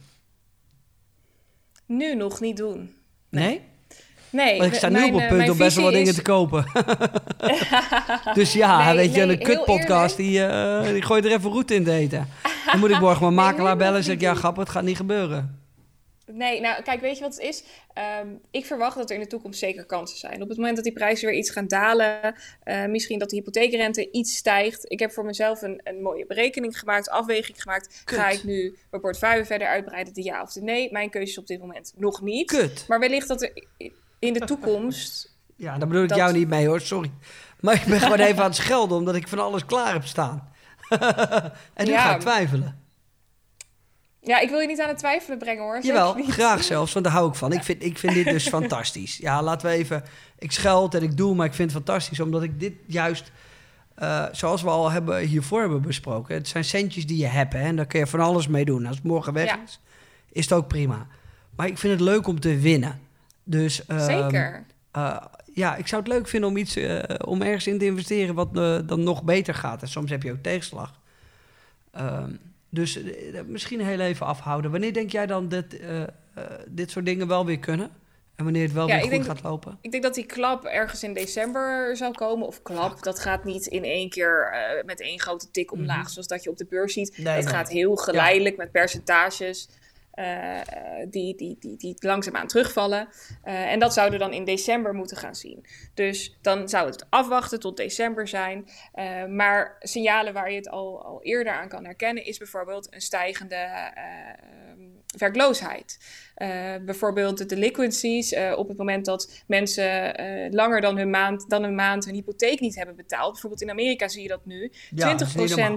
stijging in mensen die hun hypotheek niet kunnen betalen. En dat is echt fors. Dat, dat is nog nooit zo hoog geweest. Eh, en, en dat zie je steeds meer. Dus dat zijn allemaal dingen waar ik al op let van tevoren. Ik kijk al van tevoren. En natuurlijk een, een, een stap in de toekomst zou zijn als straks het systeem weer eh, up and running is, dan kunnen we kijken naar vastgoed. Die, die, dat, dat een generatiemoment voor ons moet nog komen om heel goedkoop vastgoed te kunnen kopen. Dat, dat hebben wij nog niet gezien.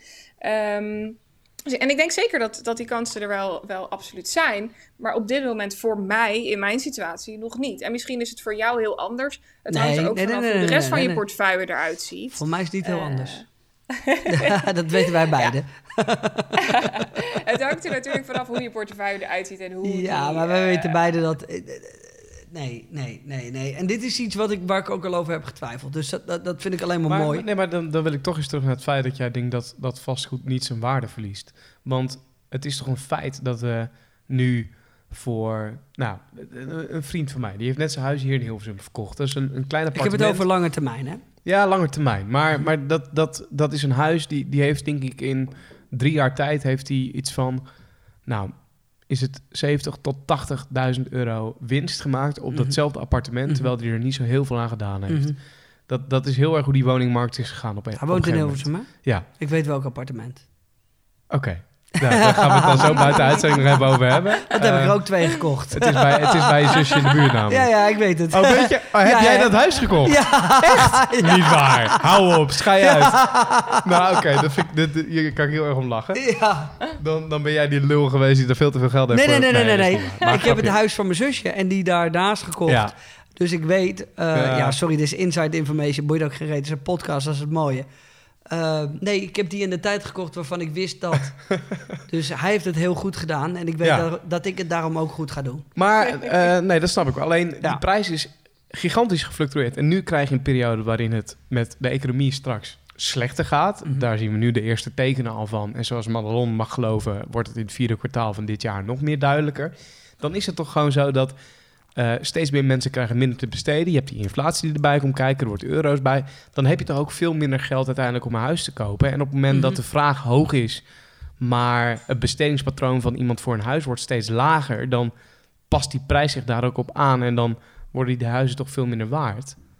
Ja, inflatie zorgt er in de basis wel voor dat huizenprijzen juist stijgen. Maar het hangt er vanaf hoe makkelijk je aan een huis kan komen. Dus ook de hypotheekrente heeft ermee van doen. Ja, Eh, eh, als de centrale bank nu zou zeggen, nou we stoppen met het, het, het bij, met het opkoopbeleid, het bijprinten van geld, dan betekent dat direct dat dat directe gevolgen heeft voor de huizenmarkt en ook voor de aandelenmarkt. Is Daar zijn goed dat we er een expert bij.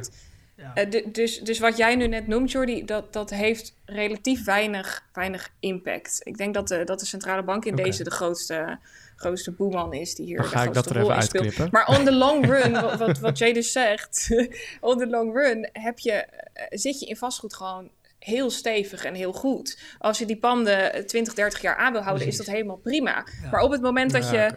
eh, bijvoorbeeld geld wil nu, verdienen. Ja, precies. Eh, Als je, als je nu bijvoorbeeld of geld wil verdienen of eh, eh, samen zou gaan wonen met je vriendin. Ik noem een voorbeeld. En je neemt een hypotheek van 90%, misschien 95%, omdat je ook nog wil gaan verbouwen.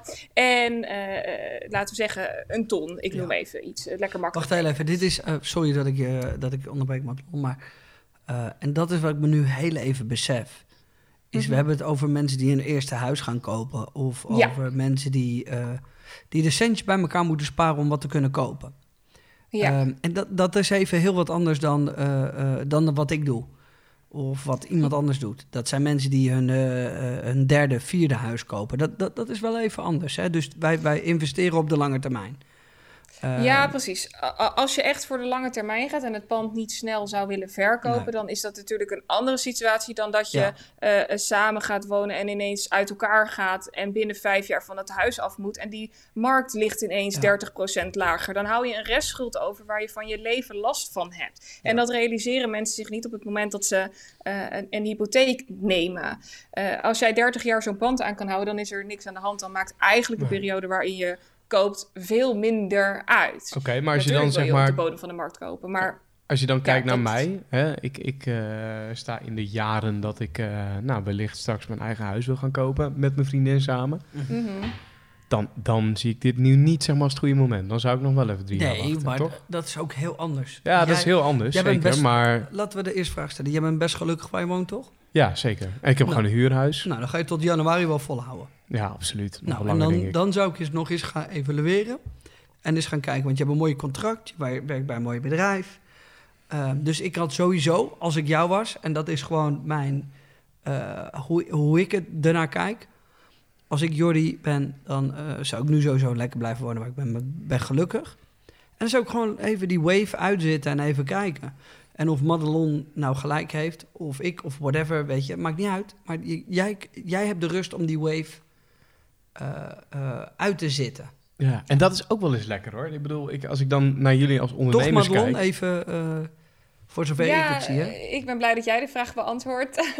Ja. Nee, eh, ik- ik mag je natuurlijk geen advies in geven. Nee. voordat ik straks een ti- tik van de toezichthouder op mijn vingers krijg. Ik doe het Nee, wel, fuck eh, it. in de basis is, is het verstandiger om, om eh, even te kijken wat de markt straks doet. Hè, wat, En eh, dat, dat is in iedere situatie verstandig. wat, wat is dit? Want dit, hier komt ook iets nieuws kijken, hè, wat ik niet ken. Toezichthouder, Ja, is toch logisch. Ze geeft financieel advies. Dat kan niet zomaar. Kun je dat niet zomaar doen? Nee, man. Nee. Zeker niet. Nee, kun je Nee. zelfs de gevangenis voor in. eh, Ja. dus, Hè? dus daar moet je echt mee oppassen. Ja. Wacht even, hier kom ik... Dit, dit, dit ken ik allemaal niet. De- de- mag ik financieel advies, maar uh, omdat jij een titel hebt? Of Jij mag niet tegen iemand zeggen, koop dit of doe dit. Niet? Nee, Nee.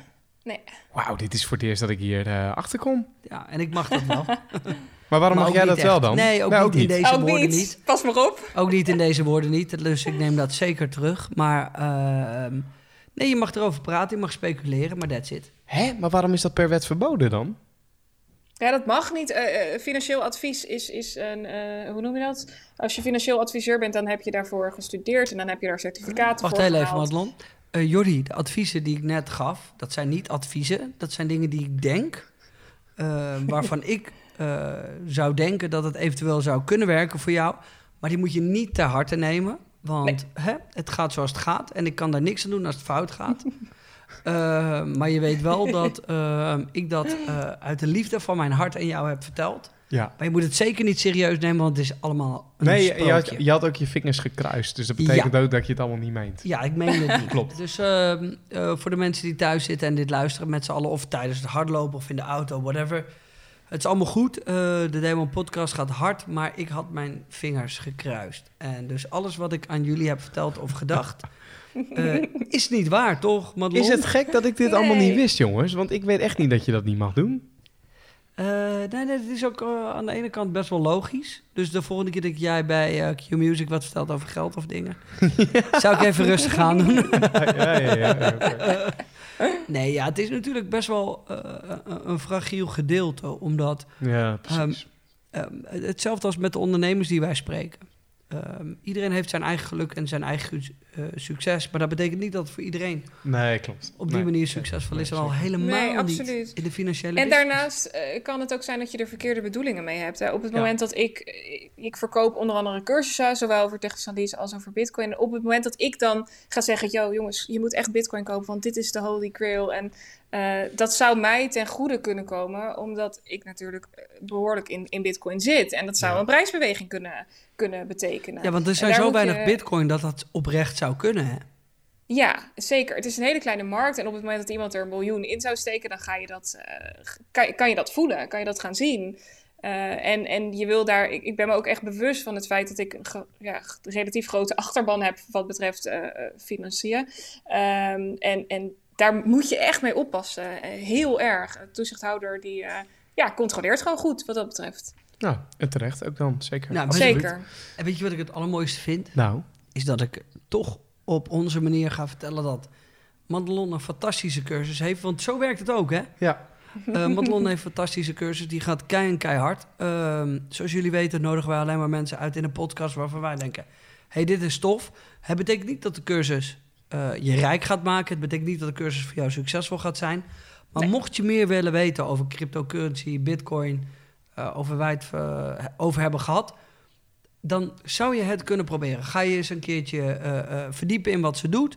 Zoek erop, stel de vragen. Ze heeft ook Instagram, toch Madelon? Ja, zeker. Ik zit ook op YouTube. Daar maak ik iedere eh, week en soms zelfs twee keer per week video's over wat er nu gaande is. Het is gewoon gratis content wat je gewoon kan vinden.